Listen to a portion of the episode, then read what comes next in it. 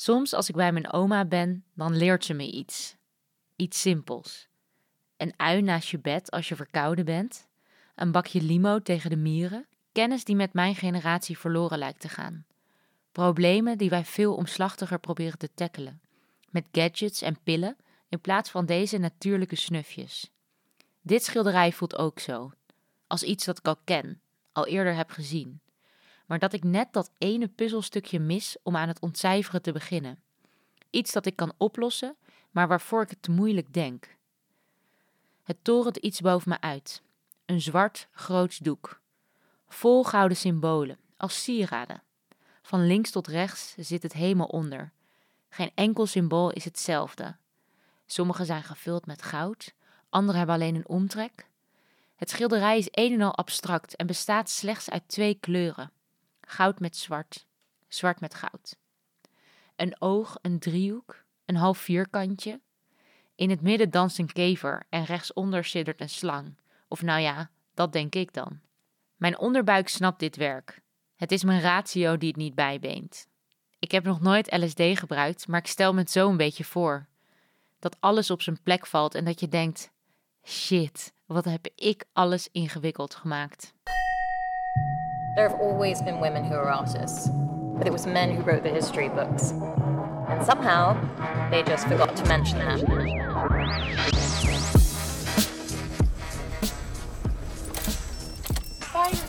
Is Afrika. Oké, nou, waar is het?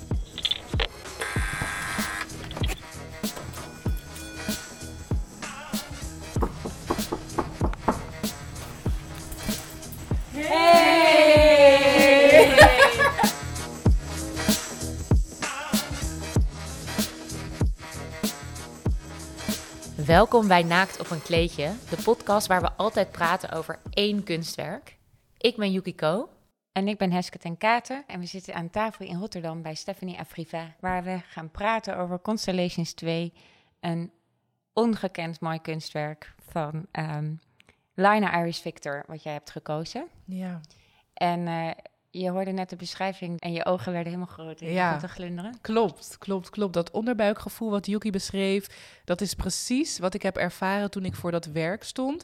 Ik voelde echt gewoon van, oh, dit klopt, dit is wie ik ben, dit is waar ik vandaan kom, dit resoneert met alles wat ik ben en wat ik heb ervaren in mijn leven, mijn vorige leven. Alleen ik snapte het niet. Ik kon niet de woorden vinden om uit te leggen en te duiden wat dat dan precies was. Maar het was gewoon een onderbuikgevoel inderdaad en het klopte. Ja.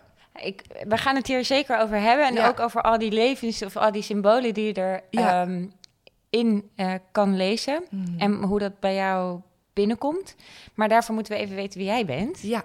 Uh, je bent presentator, curator, model. Maar als je zelf in een van je betogen zei, wat ik heel uh, mooi vond, je bent vooral professioneel jezelf. Ja.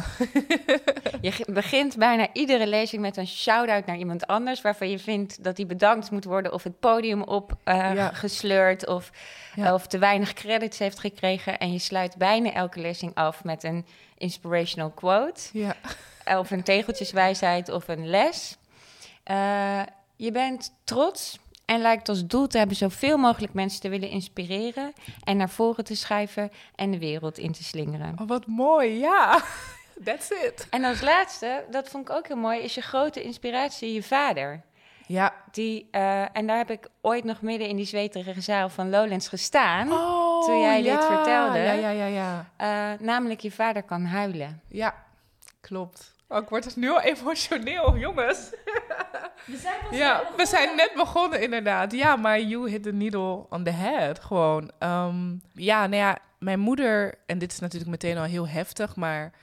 Um, dus voor mij is dit gewoon mijn leven. Maar mijn moeder is toen ik, ik denk 17 was... Uh, is zij op een dag gewoon met de Noorderzon vertrokken.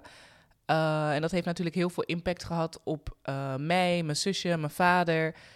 en dat heeft gewoon echt gemaakt wie ik ben. Um, en dat heeft ook de richting van mijn leven heel erg bepaald. Want ja, ik was toen ineens alleen met mijn vader en mijn zusje. En ik moest er heel erg voor mijn vader zijn, want hij trok dat emotioneel niet. Ik moest er ook voor mijn zusje zijn. Ik weet niet hoe ik het heb gedaan, maar recentelijk nog zei ze tegen mij van ja, zonder jou weet ik niet wat ik had gedaan, want jij was er gewoon echt voor mij. En ik ik besefte dat niet eens. Weet je wel, achteraf in perspectief denk ik, oh ja, klopt inderdaad. Ehm, maar ik ging ook heel erg nadenken, maar wie was er dan voor mij? Voor mij, want ik moest er voor twee mensen zijn. Ehm, en toen ging ik daar heel erg over nadenken. Ik dacht van ja, ik heb heel veel vriendinnen gehad die tantes hadden, die moeders hadden, die mij allemaal uh, waar ik welkom was in de familie. En die hebben mij zoveel geleerd. En voor mijn vader was het ook allemaal uitzoeken. Maar mijn vader is gewoon. Um, hoe nu zeg maar het gesprek gaande is dat mannen ook feminist moeten zijn. En uh, ook gewoon bewust moeten zijn van de patriarchy en noem maar op. Mijn vader is de embodiment, zeg maar, um, van de man die we nu nodig hebben op dit moment. Um, en ja, dat is gewoon zo waardevol voor mij, omdat dat en een goed voorbeeld is, want ik weet dat ze bestaan. Maar ten tweede, het geeft mij ook zoveel kracht. Lijkt letterlijk door hem kan ik alles doen wat ik nu aan het doen ben. En soms is dat heel random, dan denk ik oh, ik ga dat doen of dat, weet je wel. Uh, en hij maakt dat gewoon mogelijk. Hij is ook gewoon een immigrant die gewoon heel zijn leven op één plek gewoon keihard aan het werken is. Waardoor ik en mijn zusje gewoon kunnen zijn wie we willen zijn en kunnen doen wat we willen doen, weet je wel. Dus de dankbaarheid is echt enorm voor en mijn vader en ook gewoon iedereen in mijn directe omgeving die überhaupt invloed op mij heeft. Ja, en dat wil ik constant terug blijven geven. Um, wij vragen altijd iedereen een kunstwerk die we spreken op te sturen. Een lievelingskunstwerk, een kunstwerk wat je heeft geïnspireerd, heel boos maakt. Dat mag alles zijn eigenlijk. En jij stuurde dit prachtige werk van Lina Irish Victor op en wij kennen het allebei niet. Um, dus zijn we in haar leven gedoken, wat een feest was. Lina Iris Victor is de rising star van de hedendaagse kunstwereld. Een echte millennial, geboren in 1987 en als dochter van Liberiaanse ouders opgegroeid in Groot-Brittannië. Veel van haar werken lijken op het werk dat we bespreken. Constellations 2. Veel goud, veel zwart. Eerst werkte ze als actrice, maar na de zoveelste keer te zijn getypecast was het klaar. Via een omweg als filmmaker werd ze beeldend kunstenaar. Een medium en een beroep waar je niet afhankelijk bent van langdurige aanvragen, producties en toestemmingen. Je hebt verf en doek nodig. Je kunt beginnen. Vaak zien we vrouwen in haar werk, als vrouw Justitia of als symbool voor schoonheid, mysterie en oneindigheid, als bron van het nieuwe leven. Ze combineert shamanisme, alchemie en kosmologie met elkaar en onderzoekt zo ook wat er moeilijk te grijpen is: onze intuïtie. Al die symbolen in haar werk refereren naar vroeger. Vroeger als in de tijd van de Egyptenaren en misschien nog wel van daarvoor. Waarin we navigeerden door de woestijn aan de hand van de sterren. Voor elkaar op rotsen tekenden waar er water was. Het is een universele taal van achtjes, driehoeken en cirkels. Victor onderzoekt in haar werk rijkdom. Het goud staat er symbool voor. Voor jou en voor mij is goud goed. Het staat voor geluk, voor rijk zijn, Bling bling is status. Het gaat over lekker bezig zijn. Maar het is veel meer dan je kunt uitdrukken met de cijfers op je bankrekening. Goud ontstaat uit supernova's, sterren die sterven. Het is kosmisch, net als Victor's schilderijen, waar het goud wordt teruggeplaatst in de nacht. Sinds de mensheid bestaat zijn er maar drie zwembaden goud bijgekomen. Zo weinig is er van. Moet je nagaan hoe oud het goud op haar werk is en welke reis het heeft afgelegd. Wat is het eerste werk wat je van haar hebt gezien? Uh, ik zag haar werk voor het eerst op Instagram. Um, dat was echt in de beginperiode uh, dat zij begon met kunstwerken maken. En zij maakte toen heel veel werk waar zij uh, zelf op stond, dus zelfportretten.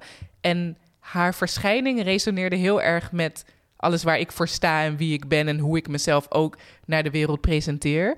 Um, dus dat vond ik heel erg tof. En ik begon toen ook al te lezen over haar werk, maar elke keer snapte ik dat niet helemaal. Dus het was eigenlijk in eerste instantie heel erg oppervlakkig hoe ik er naar keek. Ze maakte eigenlijk veel portret van zichzelf, waar ze eigenlijk net als, je, als het opgehangen is, boven mensen uitkijkt. Ze kijkt heel recht ja, die ruimte in. Heel ze zit heel recht op. Ja, ja. Het is een heel trots beeld. Ja, met heel veel kleur. Ja, zeker. Ja, ze gebruikte heel veel blauw, zwart, wit en goud. Alleen dat. En ik vond dat zo bijzonder, want ik ben iemand die heel veel van kleur houdt. Um, dat ze met alleen vier kleuren zulke sterke beelden kon neerzetten. Uh, en ik vond het ook uh, heel vernieuwend, want ja, we hebben nu allemaal het gesprek over representatie van mensen van kleur. Uh, en in mijn geval ben ik dan specifiek geïnteresseerd in zwarte mensen. Um, en ja, je ziet die representatie wel steeds meer op heel veel dezelfde manier. En ik vond hoe zij het deed gewoon zo anders, zo eigen. Met een heel ander verhaal, hele andere achtergrond. En dat sprak mij gewoon echt heel erg aan. Ja, ze stak echt met haar hoofd boven het maaiveld uit. Ja, zij maakt eigenlijk haar gezicht nog zwarter. Ja, dus, klopt. Dus haar eigen, ze is zelf ook zwart. Ja, en dan ja. schildert ze haar gezicht nog zwarter over. Ja. Waarin ze ook heel erg ageert tegen dat ze blackface. Dat, zegt, dat doe ik niet. Nee, inderdaad. ik onderzoek de diepte Ja, en de olieheid. En eigenlijk weer die rijkdom van dat wat onder de grond zit en bij inderdaad. ons wordt. Ja, klopt. in kleur. En dat vind ik ook zo tof aan haar. Dat in haar werk eigenlijk ratio en gevoel bij elkaar komt. Want alles wat zij doet op een doek, daar heeft zij over nagedacht of onderzoek naar gedaan. Het, het klopt gewoon. Je kan daar niet tussen komen. Je kan niet tegen haar zeggen: dit is blackface. Want nee, weet je wel. Er zit zoveel gelaagdheid en onderzoek achter. Dat is heel bijzonder. En toch eh, heb je een ander werk gekozen, namelijk een abstract Ja. werk. Klopt. Ik ehm, was volgens mij twee jaar geleden voor het eerst... eh, heb ik haar werk voor het eerst in het echt gezien. Er was een expositie in Londen. Eh, en ik kwam die ruimte binnen en alle muren waren helemaal zwart. Er hingen verschillende werken. Werken waar zij inderdaad zelf ook op stond. Werken waar andere vrouwen op stonden. Maar dit werk... Oh, ik weet nog precies, ik liep naar binnen en het hing aan de linkerkant... Uh, en het groepje mensen met wie ik was, die was ondertussen al verder aan het lopen. Maar ik bleef maar voor dit werk staan. Ik dacht, dit is het. Dit spreekt mij zo ontzettend aan. En ja, het werk heeft heel veel verschillende symbolen. En ik ging eigenlijk niet eens dieper in op wat voor symbolen ik nou precies zag. Het was gewoon, het werk is twee meter. Dat goud, dat straalt natuurlijk gewoon. Ja, je moet beseffen, het is in een zwarte kamer. Dus er is verder geen lichtinval of iets dergelijks. Maar dat goud op zich, Ja, het is misschien goed om te weten, nog daarbij te vertellen dat het geen goudverf is, maar ze Mhm. gebruikt dus echt, Echt. 24 karaats goud Ja. op die werken. ja, Die ze inderdaad als een soort sieraden verwerkt tussen die zwarte olieverf door, waardoor die ja. materialen ook zo baf ja, eraf het- ja, it blinks. En ja, het blinkt. Maar als je nu eh, toch naar dit werk kijkt, Mhm. zijn er dan dingen die je wel denkt te herkennen? Of symbolen die betekenis voor je hebben? Of... Ehm, nou ja, ik zie aan de linkerkant eh, zijn er, is er een bepaald figuur wat voor mij lijkt op een afro-kam, bijvoorbeeld. Maar Mhm. ik had ook heel erg eh, de rondere vormen. Ik voel me altijd heel erg aangetrokken tot ronde vormen. Mensen vinden dat vrouwelijk of zo. Maar ik weet niet dat, eh, ja, dat kosmische of zo van being one with the universe. Alles wat soort van in energie ontstaat, krijgt een ronde vorm of zo. Dat sprak mij ook heel erg aan. Ehm, en het is heel grappig, want je hebt ook volgens mij Constellations 1 of 3 of zo. En daar zie je toch wat meer symbolen die echt lijken op hieroglyphen bijvoorbeeld. Maar dat sprak me juist niet aan. Het feit dat ik hierin dingen niet echt herkende, ehm, vond ik juist nog meer bijzonder dan het andere werk. Ja, je ziet eigenlijk heel veel kleine driehoekjes, rondjes die gevuld zijn, Ja. vierkantjes met streepjes erin. Ja. Een oog wel, inderdaad, wat aan de Egyptische hieroglyphen doet klopt. denken. Ja. Een sterretje zie je. Eh, En het is ook allemaal helemaal niet zo perfect. Het is niet allemaal eh, super rechtlijnig of zo. In een lijn zie je ook een paar kronkels en zo. Dat vond ik ook gewoon heel bijzonder. Dat, ambacht. dat, ja, ambacht, inderdaad. Ja. Hey, en zij praat best wel open over spiritualiteit en ko- ja, die kosmische wereld en ook ehm, utopische wereld. Dus ze houdt Mhm. ook erg van futurisme. ja. Eh, ben je gelovig? Ehm, nou, dat is meteen een hele zware vraag. Ik geloof wel in iets, maar ook niet iets wat ik per se in woorden zou kunnen uitdrukken. Nee. Nee, dus eigenlijk die ervaring die jij hier hebt, die Ja. je niet wil in woorden uitdrukken, Ja. die dus resoneert op die intuïtie, Ja, dat is wat Ja. jij er misschien wel zo prettig aan vindt. precies. Ja, zeker. Ja, dat het misschien niet helemaal te duiden valt, inderdaad. Het is een taal, een taal van energie of zo. Ja, maar dat vind ik ook heel tof, want ik heb ook best wel uh, Sunra bestudeerd. Hij is natuurlijk ook bezig met, eh, eh, was bezig met afrofuturism en eh, inderdaad het kosmologische. En zwarte mensen zijn gewoon niet van planet Earth, maar we zijn hier wel om alle, eh, weet je We wel? gaan naar Saturnus. Ja, precies. Ja, ja, ja. En ehm, eerst dacht ik ook, oh, zij is een beetje op die tour, zeg maar. Maar dat is ook helemaal niet zo. Zij komt met hele nieuwe theorieën en hele nieuwe perspectieven. Eh, en dat vind ik er ook gewoon zo tof aan. zij is ook gewoon een visionair. Niet alleen kunstenaar. Nu je net, hoe ik net hoorde dat ze eerst filmmaker was en actrice, wist ik allemaal niet. Maar ze is gewoon een visionair. En zij kan dat op verschillende, uh, door verschillende media kan zij dat um, um, naar de wereld dus ze heeft echt een boodschap, maar ze kon haar medium nog even niet vinden. Precies, dus ergens, ze liep de hele tijd tegen een soort muur aan. Dat als acteur werd ze getypecast. Als regisseur moest ze hele teams uh, warm laten lopen van tevoren voor haar thema's. En toen dacht ze, nee, ik word maker. Het vloeide niet, zeg maar. dat is echt precies hetzelfde wat ik ook ervaar. Ja, dus daarin zie ik ook parallellen tussen jullie. Dat, dat je heel veel gebieden aanraakt. Je presenteert, je cureert, je schrijft columns, je maakt vlogs. Ja. Uh, en, maar eigenlijk is de boodschap best wel overeenkomend in wat je doet. Zeker, ja. Het is heel grappig, want jullie snappen dit heel goed. En ik kom heel vaak wat jongere mensen tegen die dit wel snappen. Maar de gevestigde orde, op welk vlak dan ook, al is het kunst, al is het media, televisie, ze snappen dit gewoon niet. Zeg maar dat je ook een boodschap kan hebben die je kan vertalen of die je kan vertellen via verschillende, um, uh, uh, hoe noem je dat, uitingen. Waar, waar komt dan denk je door? Want zij loopt daar ook tegenaan, Lina Iris. Ik wil het in ieder geval niet gooien op dat dat een zwart-wit ding is. um, wat op heel veel vlakken wel, op heel veel andere thema's is dat wel zo, maar dit is niet zo. Het is, ja, ik, ik zou het ook dan willen gooien op een soort van uh, geen connectie met menselijkheid of zo, universele menselijkheid. Ja, ik weet het niet. Ook een grote vraag dit. Ja, we doen naar grote ik weet niet. Ja, we doen naar grote vragen. Ik, ja. Wat volgens mij jullie allebei in je leven zijn tegengekomen is um, weliswaar op een andere manier. Zij was actrice en besloot ermee te stoppen omdat ze alleen maar bepaalde rollen kreeg. En um, van jou las ik een quote in een interview waarin je zegt: dat er in deze tijd heel erg wordt gezocht naar diversiteit of pluriformiteit, meerstemmigheid. Maar zodra de stem of het verhaal anders is, wordt het eigenlijk alweer heel snel van tafel gegooid. Ja, klopt. Letterlijk in alles wat ik heb gedaan, ooit heb ik dit meegemaakt. Met modellenwerk uh, ben ik met mijn boek. Nee, in Nederland kreeg ik te horen van. Uh, oh, je bent echt prachtig, maar met jou kunnen we geen geld verdienen. Toen ben ik naar Londen gegaan met mijn boek, met mijn portfolio. En daar kreeg ik te horen: oh ja, je bent echt prachtig, maar we hebben eigenlijk al een zwart model met curves. één, weet je wel. Terwijl er 500 blonde modellen zijn, weet je um, en uh, met het maken van tentoonstellingen ook heb ik te horen gekregen van... Oh ja, we vinden je werk echt geweldig en je sollicitatie was heel erg sterk, maar we willen iemand die wat algemener is. Um, ik heb ook een pilot gemaakt voor een eigen talkshow, uh, maar dat is dan allemaal geen geld voor. En nou ja, de redenen waarom ze het echt niet doen, is natuurlijk ligt dan een beetje in het midden. Um, en ook gewoon presenteren op televisie, ja.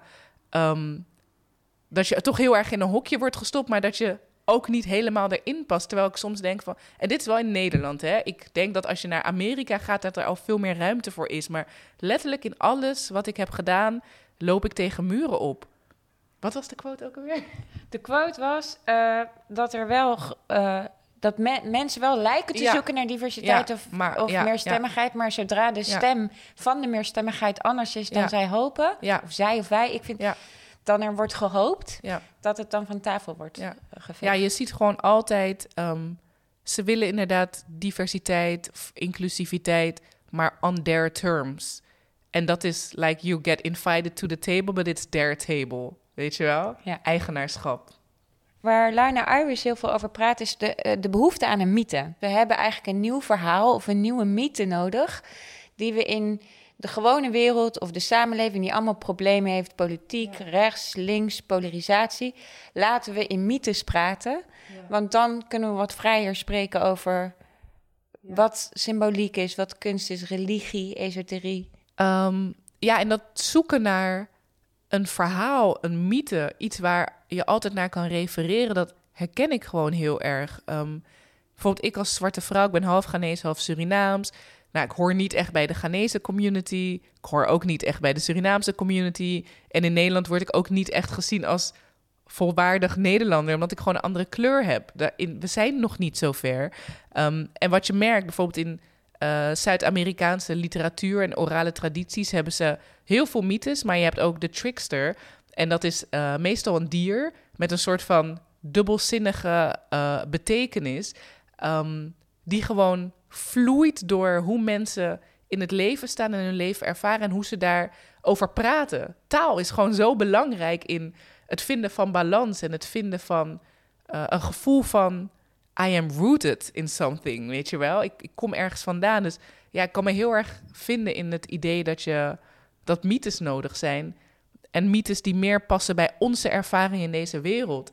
Um, en die taal is nog niet gemaakt. Die taal is nog niet gemaakt. Nee, nee, klopt. Ja, en ik merk wel in het Engels zijn ze daar een stuk verder mee.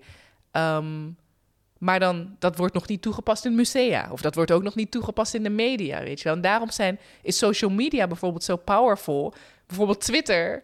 Uh, ze hebben uh, uh, een dingetje, dat noemen ze Black Twitter. Want het is gewoon een hele soort eigen taal, een hele soort eigen humor, een hele soort eigen kijken naar de wereld en naar cultuur en dat analyseren.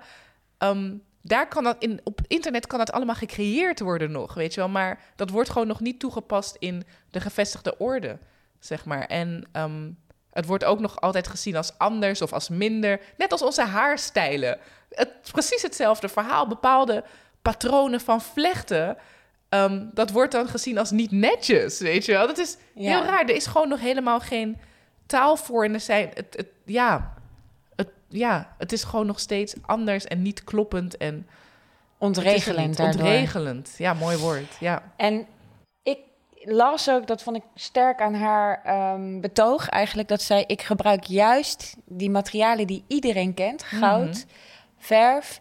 En ik gebruik symbolen die iedereen kent om tot die universele taal te komen. Want zij loopt denk ik heel erg aan tegen dat wat jij omschrijft. Mhm. Dat de kunstwereld haar werk slecht kan duiden of ja. uh, moeilijk vindt om te plaatsen in een bepaalde traditie. Mm -hmm. En heel snel inderdaad de vergelijking met de Egyptenaren wordt mm -hmm. gelegd.